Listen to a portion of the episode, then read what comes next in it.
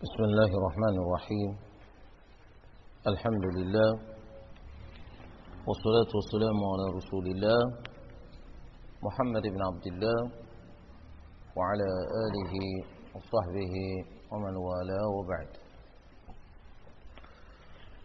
فالسلام عليكم ورحمة الله وبركاته.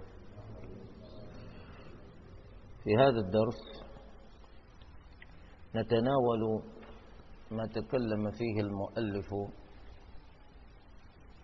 من أذان وإقامة. فالأذان هو إعلام بدخول وقت الصلاة. ذلك لأن الله عز وجل جعل لكل صلاة صلاة من الصلوات المفروضة وقتا. والمسلمون مخاطبون بالمحافظة على أوقات هذه الصلوات المفروضة. فقال الله عز وجل إن الصلاة كانت على المؤمنين كتابا موقوتا. وإذا كان المسلمون مطالبين بأداء الصلوات المفروضة في أوقاتها المحددة فإنهم يحتاجون إلى من يعلمهم بدخول وقت الصلاة. فالأذان شرع من أجل إعلام الناس بأن وقت الصلاة قد حان. وقد كان المسلمون في أول في أول الإسلام وبالتحديد بعد هجرتهم من المدينة وفرض الصلاة عليهم اجتمعوا وتحاوروا في الطريق الأمثل الذي به يتم الإعلام بدخول الوقت. فاقترحوا واقترحوا. منهم من اقترح أن يستعملوا لإعلام الناس الضرام النار. يضرمون النار في الحطب. فإذا ارتفع الدخان علم الناس أن وقت الصلاة قد دخل. إلا أن هذه الفكرة رفضت جملة وتفصيلا. لأن المسلمين لو أخذوا بذلك لكانوا في الحقيقة قد تشبهوا بالمجوس. المجوس وهم عبدة النار لا غرابة في أن يتخذ أولئك الكفرة النار أو الدخان شعارا لعباداتهم. ومنهم من اقترح اتخاذ الناقوس إلى أن ذلك أيضا رفض رفض من قبل الحاضرين. يعني كي لا يتشبه المسلمون بالنصارى. وهكذا تفرقوا. فأري أحدهم في منامه الأذان. وهذا الذي أري الأذان في منامه هو عبد الله ابن زيد رضي الله عنه. كما ثبت فيما رواه أئمة السنن في دواوينهم ومن بينهم الإمام أبو داود. أن عبد الله بن زيد رضي الله عنه أري الأذان في منامه. ذلك أنه أري رجلين يتحاوران فيما بينهما حتى وصلا في حديثهما إلى أن الصلاة إنما ينادى بها وينادى إليها. وذكر له في تلك الرؤيا ألفاظ الأذان. الله أكبر الله أكبر الله أكبر الله أكبر. أشهد أن لا إله إلا الله أشهد أن لا إله إلا الله. أشهد أن محمدا رسول الله. أشهد أن محمدا رسول الله. حي على الصلاة. حي على الصلاة. حي على الفلاح. حي على الفلاح. الله أكبر الله أكبر. لا إله إلا الله.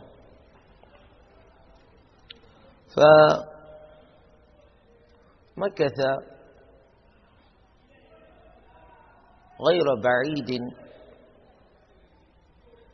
فعاد ليعلمه كيفية الإقامة. وأن الإقامة تكون بألفاظها المعروفة. الله أكبر الله أكبر. أشهد أن لا إله إلا الله. أشهد أن محمد رسول الله. حي على الصلاة حي على الفلاح. قد قامت الصلاة قد قامت الصلاة. الله أكبر الله أكبر لا إله إلا الله. وإن جاء في بعض ألفاظ ذلك الحديث عند الإمام أبي داود أن كلمات الإقامة تثنى كتثنيتها في الأذان. الله أكبر الله أكبر. الله أكبر الله أكبر. بالتربيع. أشهد أن لا إله إلا الله. أشهد أن لا إله إلا الله. أشهد أن محمد رسول الله. أشهد أن محمد رسول الله. حي على الصلاة. حي على الصلاة. حي على الفلاح. حي على الفلاح. قد قامت الصلاة قد قامت الصلاة. الله أكبر الله أكبر. لا إله إلا الله. فلما أصبح هذا الصحابي أتى إلى النبي صلى الله عليه وسلم مخبرا إياه بما رأى في منامه. والنبي صلى الله عليه وسلم بعد أن سمع منه ذلك طلب إليه أن يلقي تلك الألفاظ على بلال ليقوم بلال بالأذان. والعلة في ذلك ذكرها النبي صلى الله عليه وآله وسلم بقوله فإنه أندى منك صوتا. بلال هو أندى منك صوتا. صوته أرفع وأسمع وأبعد من صوتك. فبينما بلال يؤذن بتلك الألفاظ التي ألقاها عليه عبد الله بن زيد رضي الله عنهما. إذا بعمر بن الخطاب رضي الله عنه يأتي مسرعا ويقول لقد رأيت مثل ذلك أيضا لقد رأيت مثل ذلك أيضا في منام لكن سبقه به عبد الله ابن زيد. فهذا هو الأذان وهذه هي الإقامة. فإذا كان الأذان إعلام بدخول الوقت. كانت الإقامة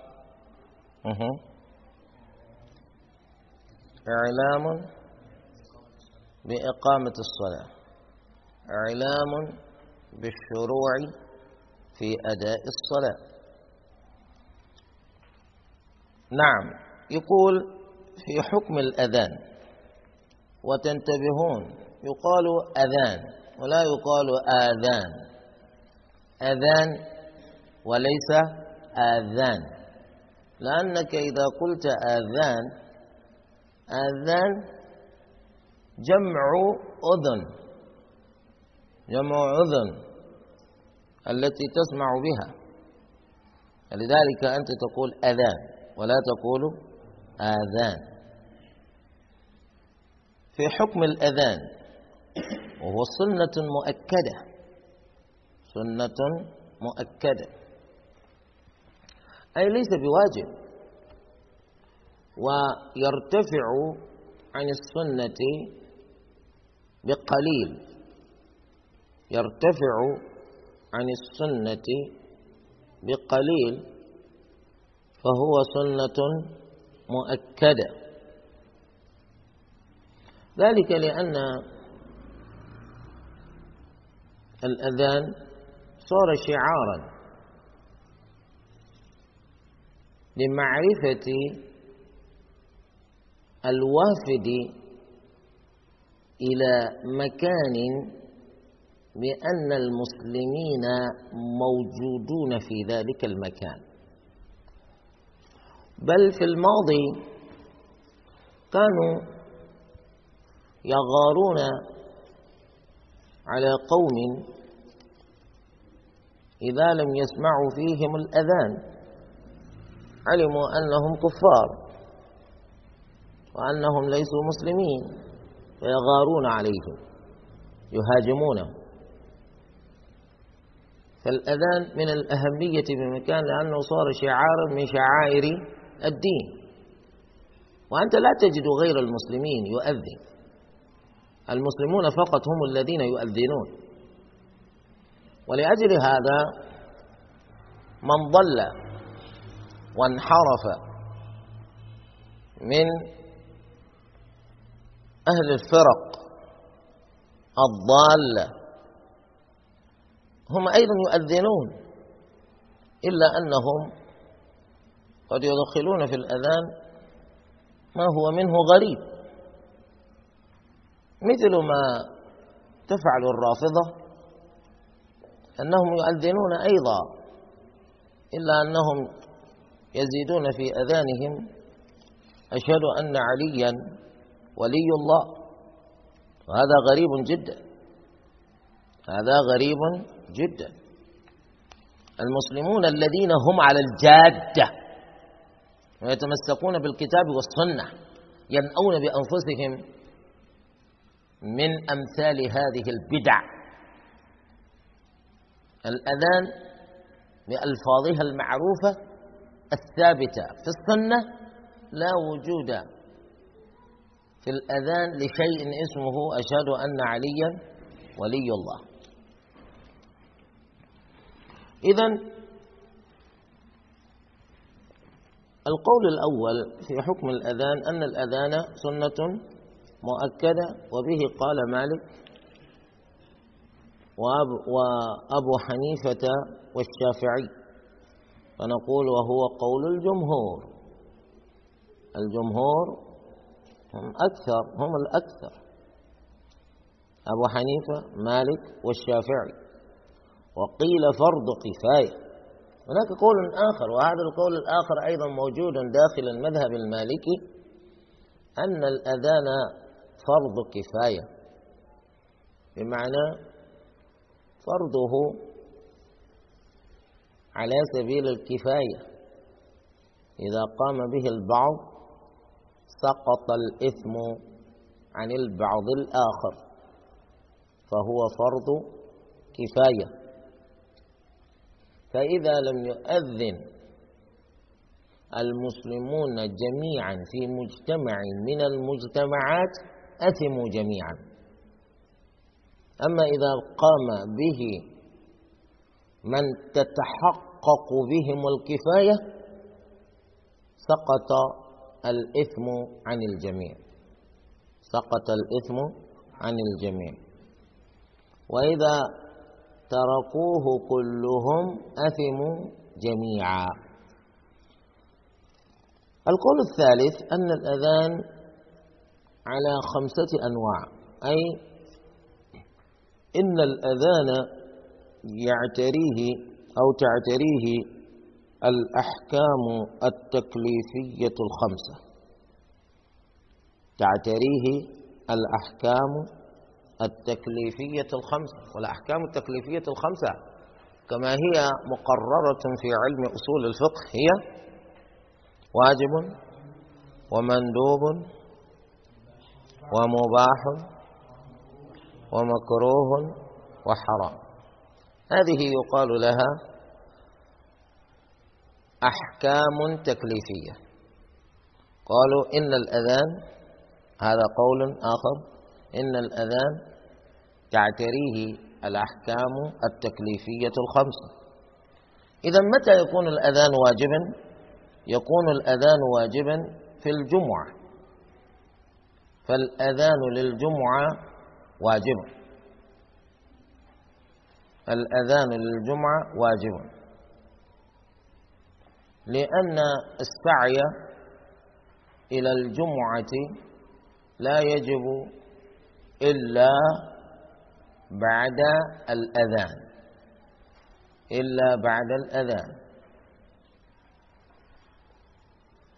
فإذا كان السعي واجبا إثر الأذان كان الأذان واجبا. كان الأذان للجمعة واجبا. لقول الله عز وجل يا أيها الذين آمنوا إذا نودي للصلاة من يوم الجمعة فاسعوا. فعلق الله سبحانه وتعالى وجوب السعي إلى الجمعة بالأذان فتعليق وجوب السعي إلى الجمعة بالأذان دليل على وجوب الأذان للجمعة. دليل على وجوب الأذان للجمعة. متى يكون الأذان مندوبا إليه يقول الأذان يكون مندوبا إليه لسائر الفرائض في المساجد أي للصلوات المفروضة في المساجد الصلوات الخمس المفروضة في المساجد الأذان لها مندوب إليه. أي يمدح فاعله شرعا ولا يذم تاركه شرعا. يمدح فاعله شرعا ولا يذم تاركه شرعا. فلذلك لو أذن الناس للصلاة في المسجد فإنهم يمدحون وإذا تركوا الأذان فإنهم لا يذمون لتركه لتركه. ولكن يقال لهم لماذا لم تؤذنوا؟ الأولى أن تؤذن. الأولى أن تؤذن. وحرام. يكون الأذان حراما إذا قامت به المرأة. إذا قامت المرأة بالأذان كان أذانها حراما. لأن الأذان يستدعي المبارزة ورفع الصوت والمجاهرة. الأذان يستدعي المبارزة والمجاهرة. والمرأة ليست من أهل المبارزة. يعني الذي سيؤذن للصلاة يبرز يبرز بنفسه أمام الناس. والمرأة ليست من أهل المبارزة والأذان يستدعي المجاهرة بالصوت والمرأة ليست من أهل ذلك. ليس لأن صوتها عورة ولكن لأن الناس قد يفتتنوا بصوتها. لأن الناس قد يفتتنوا بصوتها. ولأجل هذا هم يقولون حرام. حرام. ولذلك لا تأتي المرأة الآن إلى المسجد وتقول أنا أريد أن أؤذن. تؤذنين كيف؟ لا تؤذنين. أنت معفية عن الأذان. لا تؤذن. ولو أذنت المرأة لاعتبرنا أن الأذان تلك أن أن ذلك الأذان ملغيا. ملغي. أن ذلك الأذان ملغي. لا بد وأن يؤذن الذكر بعد. وإلا تكون لم تؤذن. تكون لم تؤذن. وأجاز الشافعي أن تؤذن النساء. لا الشافعي رحمه الله ما أجاز للنساء هكذا أن يؤذن سبهللا.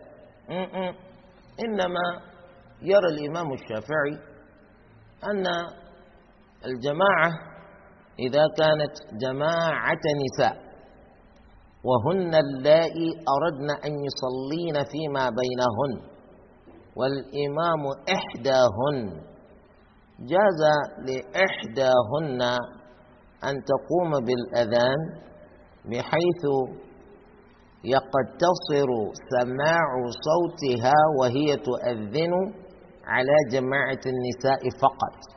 لا يسمع صوتها ذكر. فهمتم؟ يعني النساء فيما بينهن أردنا أن يصلين وتؤذن إحداهن بحيث لا يعلم أحد من الرجال أن امرأة تؤذن. هذا الذي يقول الشافعي. ومكروه. وهو الأذان للنوافل وللفوائد. يعني أنتم ترون الآن أن آه، من النوافل ما يصلى في الجماعة كصلاة العيدين وكصلاة الكسوف والخسوف كذلك صلاة التراويح كذلك صلاة الاستسقاء. هذه الصلوات إذا أردنا أن نقوم بها فإننا لا نؤذن لها. لا نؤذن لها. الأذان للعيدين بدعة. كذلك لو جئت تؤذن لصلاة الاستسقاء كان فعلك ذلك بدعة. كذلك واحد يؤذن لصلاة التراويح. نقول هذا الذي تفعله بدعة. فهمتم هذا؟ لو أردنا أن نصلي صلاة الكسوف أو الخسوف يكفي أن نقول كما أمر النبي صلى الله عليه وآله وسلم المؤذن أن يقول للناس الصلاة جامعة. بس. الصلاة جامعة. مرة.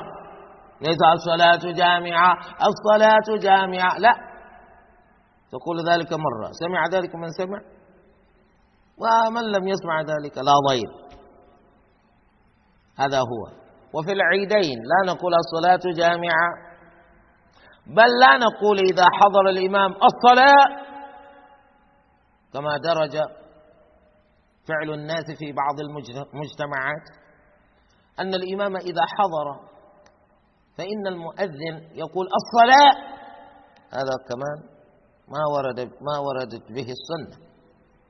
يكفي أن الإمام إذا وقف في مكانه أمر الناس بالاستواء. إذا قال الإمام استووا خلاص علمنا أن الإمام قد حضر وأن الصلاة ستبدأ. ثم إذا كبر الإمام خلاص. نقول سبق السيف العدل. الإمام إذا قال الله أكبر ما بقي شيء. ننضم إليه مصلين. هذا هو. إذا لا تؤذن للنوافل. الفوائد. الإنسان فاتته صلاة الظهر والوقت وقت العصر. الوقت وقت العصر. هل يؤذن للظهر التي فاتته قبل أن يصليها؟ يقيم لها لا خلاف في ذلك. هل يؤذن لها؟ هنا الخلاف. من الفقهاء من يقول لا. أنت لا تؤذن للصلاة الفائتة. لا تؤذن للصلاة الفائتة. ومن الفقهاء كابن حنبل وأبي حنيفة من أجاز له أن يؤذن. من أجاز له أن يؤذن للصلاة التي فاتته. لأنه اعلموا أن الأذان ذو فوائد كثيرة. ليس ليست فائدة الأذان منحصرة في إعلام الناس بدخول وقت الصلاة. هناك فوائد أخرى. أننا بالأذان نطرد الشيطان. نطرد الشيطان. فبالتالي متى ما تسنى لك أن تطرد الشيطان كان فعلك ذلك مستحبا. لأن الشيطان عدونا والعدو لا نرحب به فاطرده. فالوسيلة فوسيلة من الوسائل التي بها يتحقق طرد الشيطان الأذان فأنت تؤذن للصلاة التي فاتتك. من أجل هذه الفائدة. كذلك يقولون أرأيت لو أراد الإنسان أن يصلي تلك الصلاة في وقتها أكان الأذان مشروعا له؟ نقول نعم. الأذان مشروع لك إذا أردت أن تصلي الصلاة في وقتها حتى لو كنت منفردا. لقد قال النبي صلى الله عليه وآله وسلم لذلك الصحابي وهو مالك بن الحويرث يعني إذا حضرت الصلاة وأنت في غنمك في باديتك فأذن. ووحده فأذن. إذا الإنسان وهو منفرد يؤذن للصلاة. يقولون صفة القضاء صفة الأداء. صفة القضاء صفة الأداء. إذا كان الأذان مستحبا في حق من أراد أن يصلي الصلاة أداء. كان ذلك أيضا مستحبا له إذا أراد أن يصليها قضاء لأن صفة القضاء صفة الأداء.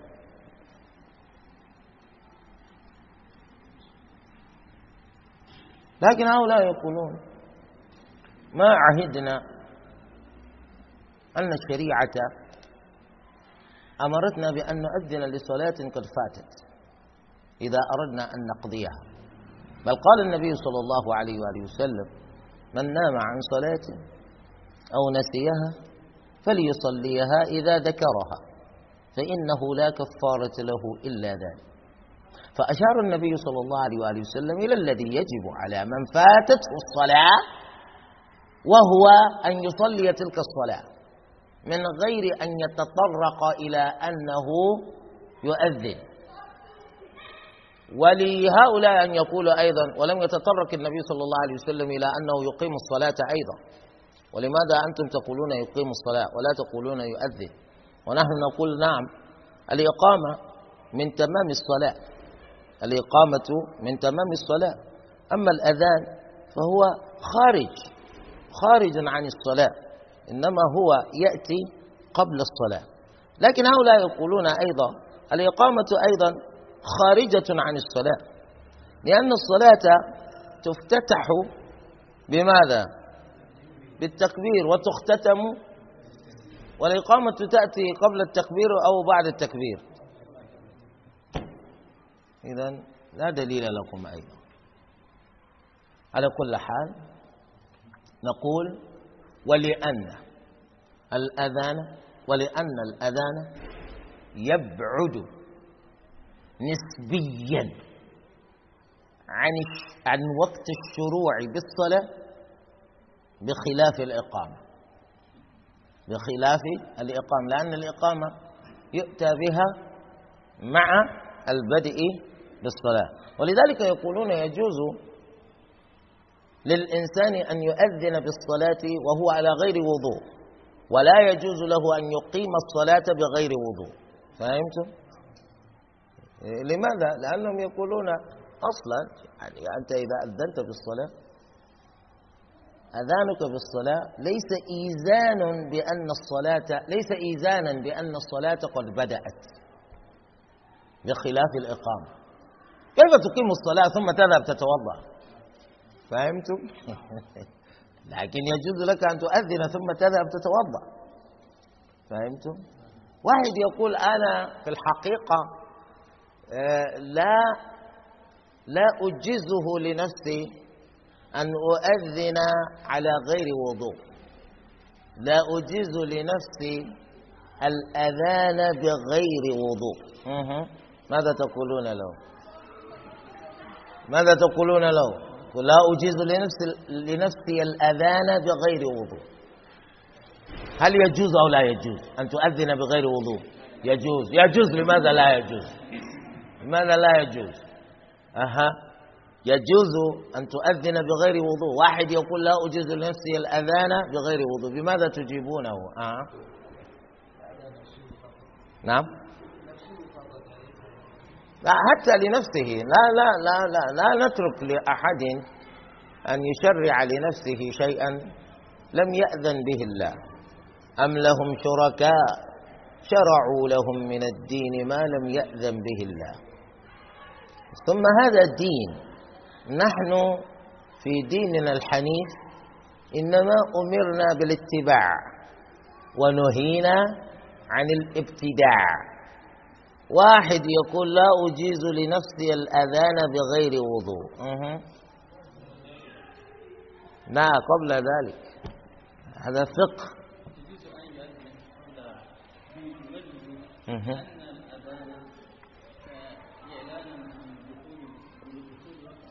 أه.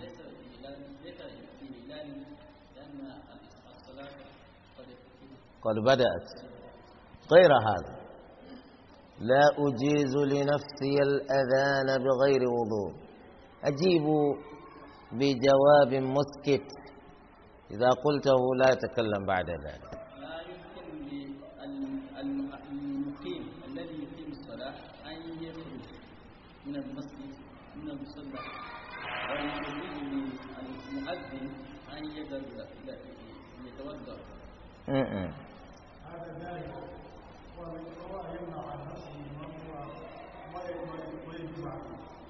يمنع نفسه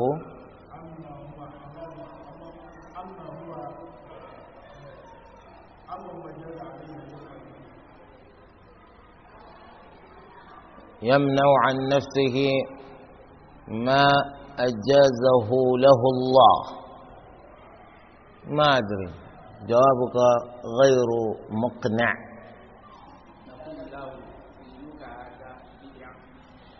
هذا كله بعيد. هذا فقه. فهمتم؟ في الفقه ليس تقول بدعة. هذا بدعة. هذا أنت تأتي بجواب. هذا أنت الآن تتكلم في الحكم. أقنعني أن الذي قلته ليس صحيحا. ليس أنك تقول لي هذا بدعة هذا بدعة ثم تظن أنك إذا قلت بدعة أسكت؟ لا يسكت. لابد أن تأتي بجواب من العلم. هذا فقه. لسنا نتكلم في العقيدة. نعم. كل هذا لا. يرون لا لا.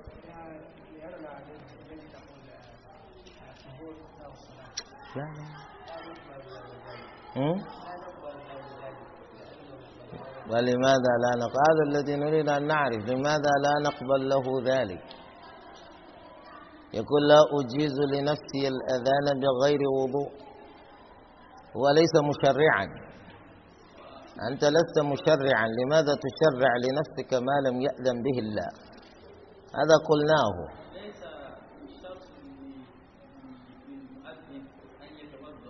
لا لا. نقول الأذان هذا. بس بس. الأذان هذا قرآن أو ليس قرآنا؟ يقول ليس قرآنا. الأذان هذا هو الأعلى أم هو الأعلى أو القرآن؟ القرآن. كيف يجوز للإنسان أن يقرأ القرآن على غير وضوء؟ وتمنع نفسك الأذان بغير وضوء. فهمتم؟ أنت تأتي بجواب مقنع. هذا الفقه. يعني القرآن يجوز لي أن أقرأه. وأنا لست على الطهارة من الحدث لست على وضوء. لكنني ليست بي آه، الحدث الأكبر. لست جنبا. ولست حائضا. ولا نفساء. يجوز لك أن تقرأ القرآن. وأنت على غير وضوء. إنما الذي لا يجوز لك هو مس القرآن على غير وضوء. لحديث النبي صلى الله عليه وآله وسلم لا يمس القرآن إلا طاهر. لا يمس القرآن إلا طاهر. فأنا لا أمس القرآن إنما أريد أن أقرأ القرآن. وكان النبي صلى الله عليه وآله وسلم يذكر الله على كل أحيانه ما لم يكن جنبا. يقرأ القرآن ما لم يكن جنبا. بل جاء بهذا اللفظ أيضا. كان يقرأ القرآن ما لم يكن جنبا. إذا تبين لنا هذا أن قراءة القرآن جائزة على غير وضوء. فيجوز الأذان على غير وضوء من باب أولى. لأجل هذا القول بأني لا أجيز لنفسي الأذان على غير وضوء قول أبعد فيه صاحبه. يعني أبعد فيه صاحبه نفسه عن الإصابة. كلامه هذا خطأ. وهو بعيد كل البعد عن الدين. فأنت لا تقول يعني أنا لا أنا أنأى بنفسي أن أذكر اسم الله عز وجل على غير وضوء. فلذلك لا لا أؤذن إلا على وضوء. يقول آه، لأن النبي صلى الله عليه وآله وسلم أيضا سلموا عليه وهو يبول فلم يجب.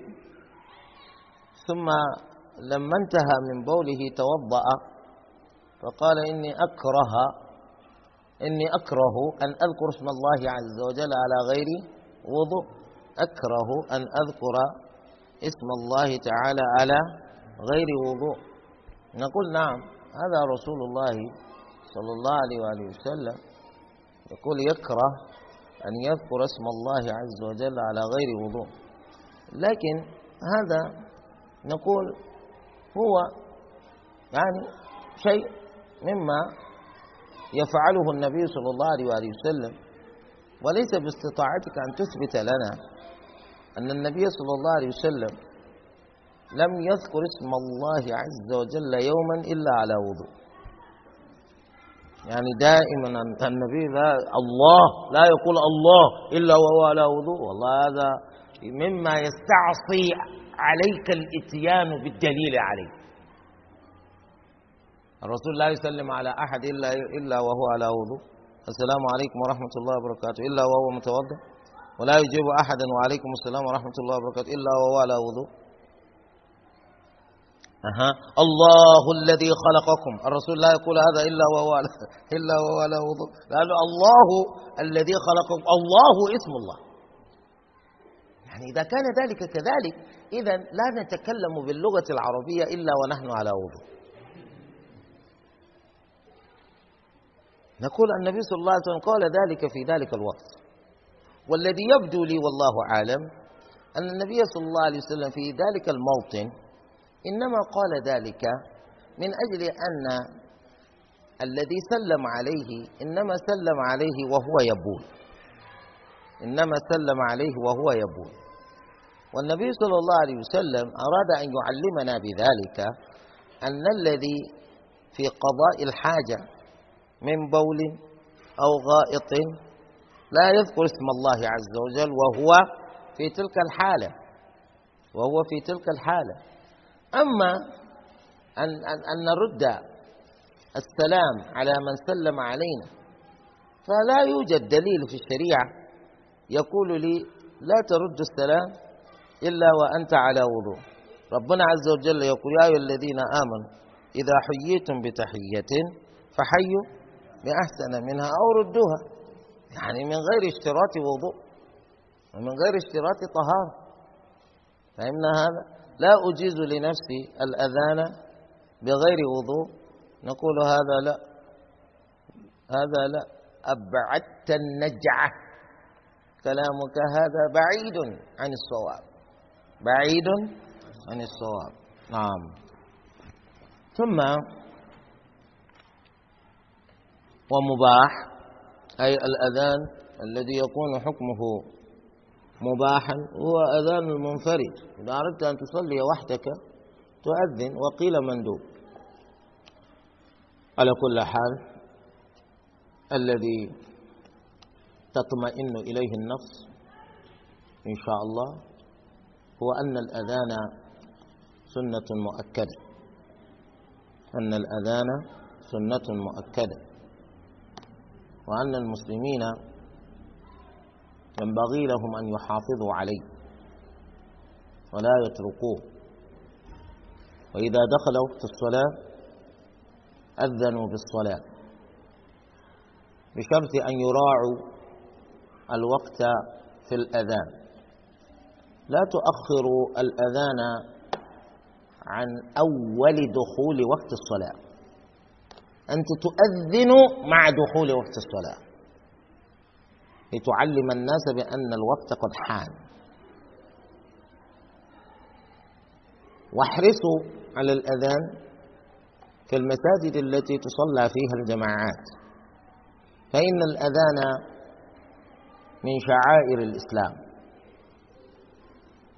ومعلوم بأن تعظيم شعائر الإسلام من تقوى القلوب. وعلى أن يكون هذا الأذان بحيث يسمع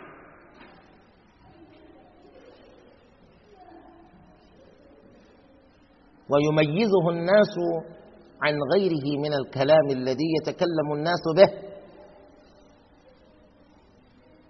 ليعلم الناس أن الأذان هذا يعلمنا بأن وقت الصلاة قد حان. هذا هو. الفصل الثاني في صفة الأذان وفيه أربعة مذاهب. المذهب الأول أذان المدينة. أذان مدينة رسول الله صلى الله عليه وآله وسلم واختاره الإمام مالك. وما كيفية أذان المدينة؟ كيفيته تثنية التكبير. وترجيع الشهادتين تثنية التكبير وترجيع الشهادتين. أي أن تؤذن قائلا الله أكبر الله أكبر. هذه التثنية. أو تقول الله أكبر الله أكبر. أشهد أن لا إله إلا الله لكن بصوت منخفض. أشهد أن لا إله إلا الله. أشهد أن لا إله إلا الله. أشهد أن محمد رسول الله. أشهد أن محمد رسول الله. ثم تقول بصوت أعلى. أشهد أن لا إله إلا الله. أشهد أن لا إله إلا الله. أشهد أن محمد رسول الله. أشهد أن محمد رسول الله. هذا يقال له ترجيع.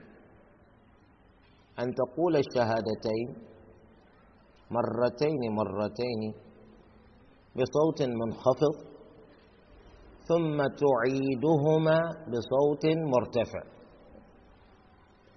هذا أذان المدينة. وهو يتميز عن غيره من صفات الأذان بأنه يقتصر فيه على تثنية التكبير في البداية. الله أكبر الله أكبر مرتين فقط.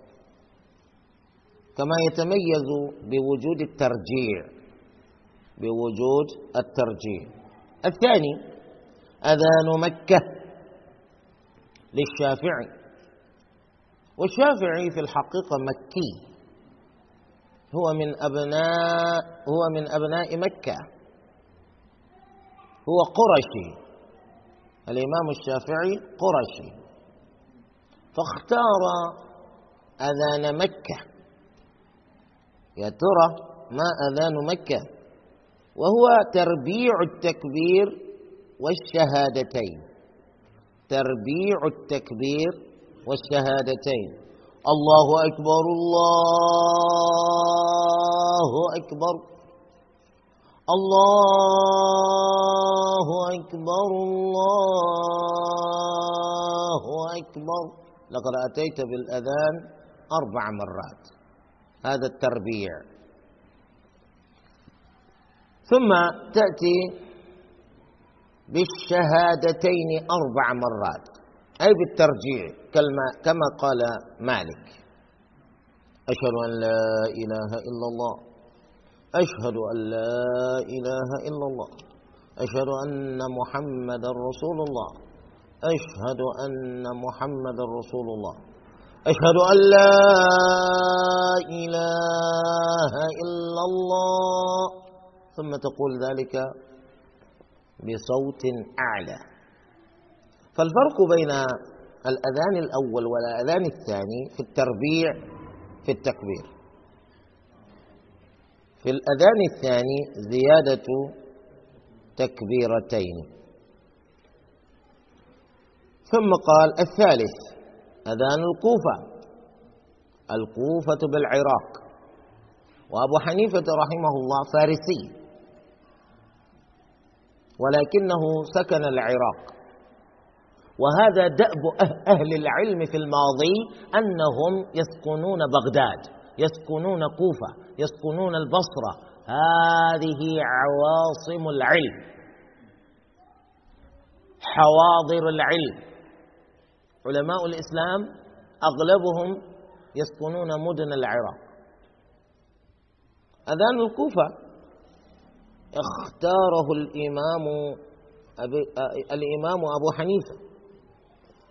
وما أذان الكوفة؟ تربيع التكبير. وتثنية الشهادتين. الفرق بين هذا الثالث والثاني في الشهادتين. اتفق مع الثاني في في تربيع التكبير واختلف معه في تربيع الشهادتين وإنما هو قال بتثنية الشهادتين. فلذلك أبو حنيفة رحمه الله هو لا يأخذ بالترجيع. لأنه يقول الترجيع هذا وهو أن تأتي بالشهادتين اولا بصوت منخفض ثم تأتي بهما بصوت مرتفع. يقول هذا جاء في حديث أبي محذورة رضي الله عنه. وأبو محذورة هو من مسلمة الفتح. من المسلمين الذين أسلموا يوم فتح مكة. وهذا الصحابي الجليل له قصة. يوم أن نظر إلى بلال رضي الله عنه وهو يؤذن بالصلاة أخذ يتتبع فاه يتتبع فاه يمنة ويسرى. بلال يقول حي على الصلاة. أبو محذور أيضا. يتابعه برأسه. حي على الصلاة. أبو محذورة يشبه برأسه فعل بلال. حي على الفلاح. وهو يحاكيه يحاكيه يقول مثل ما يقول. وبلال كما هو معلوم؟ إفريقي. بلال حبشي من حبشة. وكانوا يقولون الله أعلم أنه ربما آه، نطق بالسين سينا. اشهدوا اشهدوا هذا آه، أخذ أبو محذورة يضحك منه كذا. فالنبي صلى الله عليه وسلم تفطن له فجاءه. وأمره بأن يقول وهو لاحظ من محاكاته بلالا أنه رجل صيت وأن صوته جميل. فدعاه إلى الإسلام أخذ يمس صدره ويدعوه إلى الإسلام فأسلم. فأمره النبي صلى الله أمر بلال أمر النبي صلى الله عليه وسلم بلالا بأن يعلمه الأذان فجعله مؤذنه في مكة. جعل النبي صلى الله عليه وسلم أبا محظورة مؤذنا له بمكة. لأن أبا محذورة مكي. فماذا حصل؟ أبو محذورة هذا هو الذي جاء في حديثه الترجيع. لا يوجد الترجيع في حديث بلال. وبلال قد كان يؤذن قبل إنما جاء الترجيع مع أذان أبي محذورة وأبو محذورة أيضا هو الذي ورد في حديثه أن النبي صلى الله عليه وآله وسلم يقول فإذا كان في الأذان الأول للفجر تقول الصلاة خير من النوم سنأتي إلى هذا.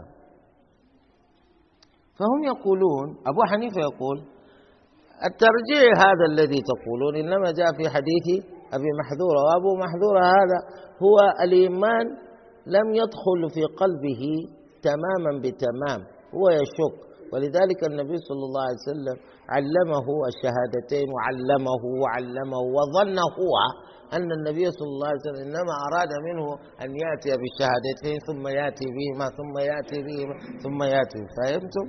أها. فلذلك هو يجعلها أربعا.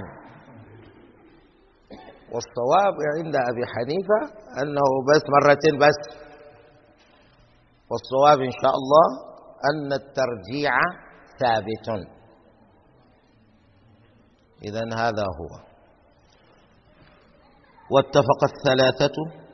الثلاثة أي أبو حنيفة مالك والشافعي بهذا الترتيب. لأن أبا حنيفة كان متقدما سنا على مالك هو أكبر من مالك. ومالك أكبر من شافعي والشافعي أكبر من أحمد بن حنبل رحمهم الله تعالى. واتفق الثلاثة أبو حنيفة مالك والشافعي على تثنية الحي علتين اتفقوا على أنك تقول حي على الصلاة حي على الصلاة حي على الفلاح حي على الفلاح. لا أحد منهم قال بإفراده ولا بتربيعه. قالوا تقول ذلك مرتين فقط مرتين مرتين. والتكبير بعدهما بعد حي على الفلاة تقول الله أكبر الله أكبر.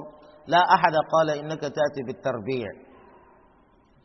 يعني بعد الحي بعد حي على الفلاة تأتي بالتكبير مرتين فقط. ولا تأتي به أربع مرات ولا تأتي به مرة واحدة. وإفراد التهليل واتفقوا على أنك في آخر الأذان تقول لا إله إلا الله. لا تقول لا إله إلا الله مرتين مرة واحدة. وإفراد التهليل بعده. نعم. الرابع أذان البصرة مدينة أخرى في العراق. هذا للحسن البصري والحسن البصري من علماء التابعين ومن صالحيهم. وما أذان البصراء تربيع التكبير؟ أن تقول الله أكبر أربع مرات وتثنية الحي علتين والشهادتين. ما الفرق بين هذا وأذان أبي حنيفة؟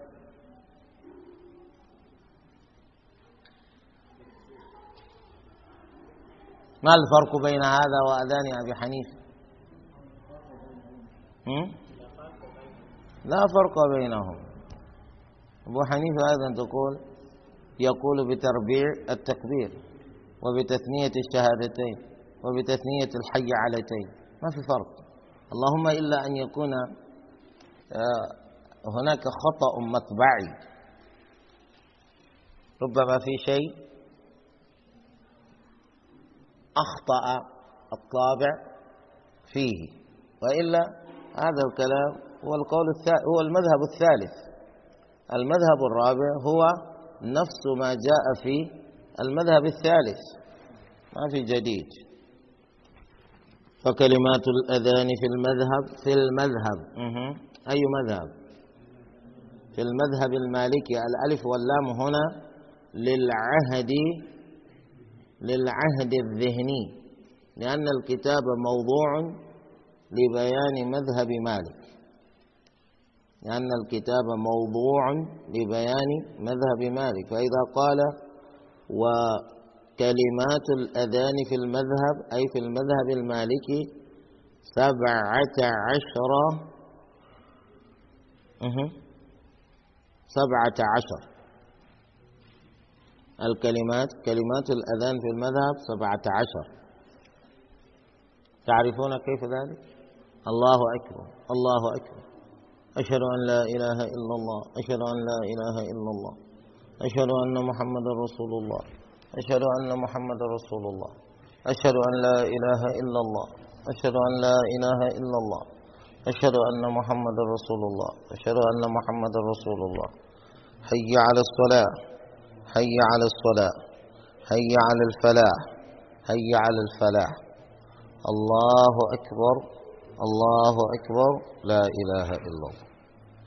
إذا كلمات الأذان عند المالكية سبع عشرة كلمة. سبع عشرة كلمة. هذا في المذهب المالكي. في المذهب الآخر سوف يكون أكثر. عند الشافعية يكون أكثر بكلمتين. يكون عندهم تسع عشرة كلمة. فهمت؟ عند الإمام أبي حنيفة عند الإمام أبي حنيفة.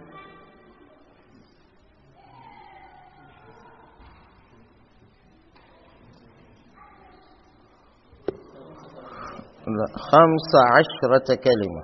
خمسة عشرة كلمة. على كل حال هكذا. وتزيد في الصبح بعد الحي علتين التثويب. إذا كان الأذان صبحا فإنك تزيد بعد حي على الفلاح الصلاة خير من النوم. الصلاة خير من النوم. الصلاة خير من النوم هو التثويب. هو التثويب. فقال وتزيد في الصبح. يؤذن للصبح مرتين. إلا أن الأذان الأول ليس للصبح إنما هو ليقوم النائم وليعود القائم. الذي ينام يقوم. بإمكانك يا راجل أن تصلي شيئا من الليل. أنت الذي قد قمت قبل ذلك بإمكانك أن تعود إلى النوم. تنام قليلا قبل طلوع الفجر. وبإمكانك أن تتسحر إذا أردت أن تصوم. فهمتم؟ أما الأذان الذي يكون مع طلوع الفجر هو أذان الصبح. وإذا أطلق الفقهاء أذان الصبح إنما أرادوا بذلك الذي يكون بعد طلوع الفجر الصادق. بعد طلوع الفجر الصادق. وهو في الحقيقة الأذان الأول.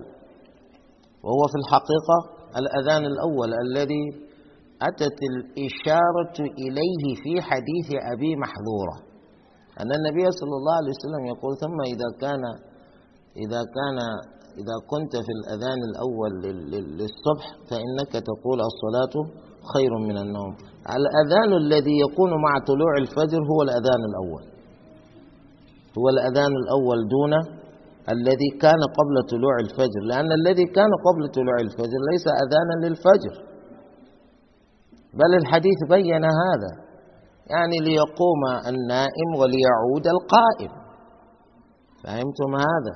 إذا الأذان الأول هو الذي يكون عند بزوغ الفجر الصادق. فهمنا هذا؟ إذا أين الأذان الثاني؟ الأذان الثاني في الحقيقة هو الإقامة. والنبي صلى الله عليه وآله وسلم بين لنا هذا في سنته.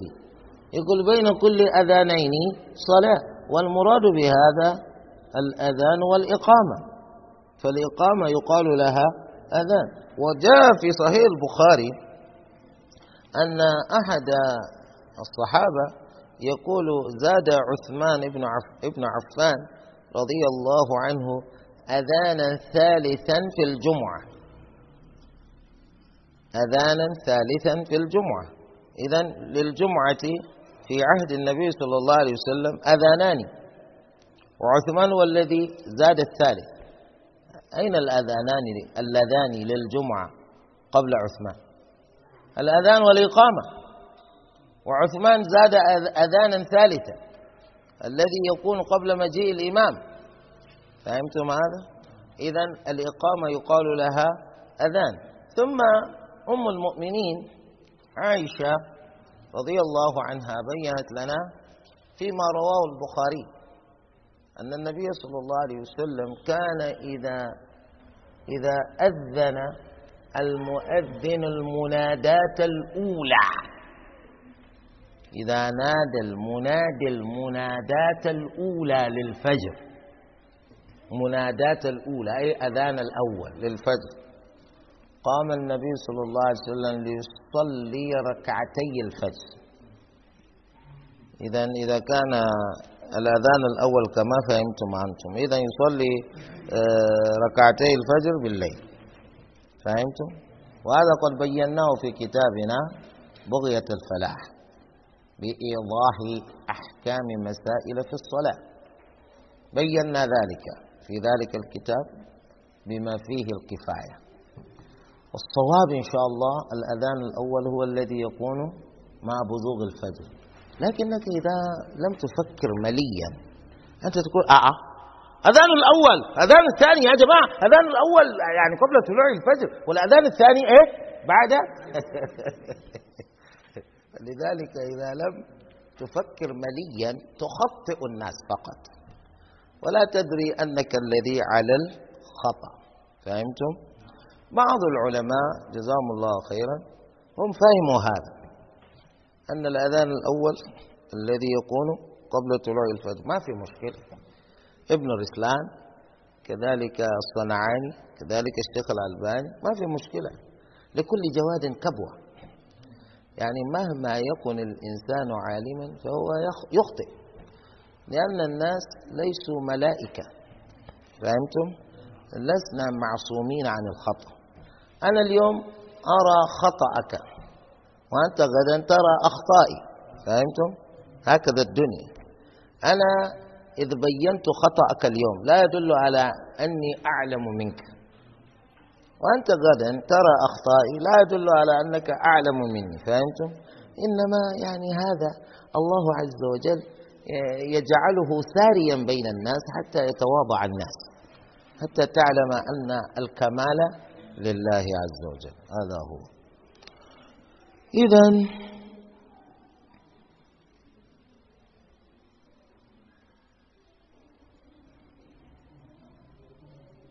مرتين الصلاة خير من النوم.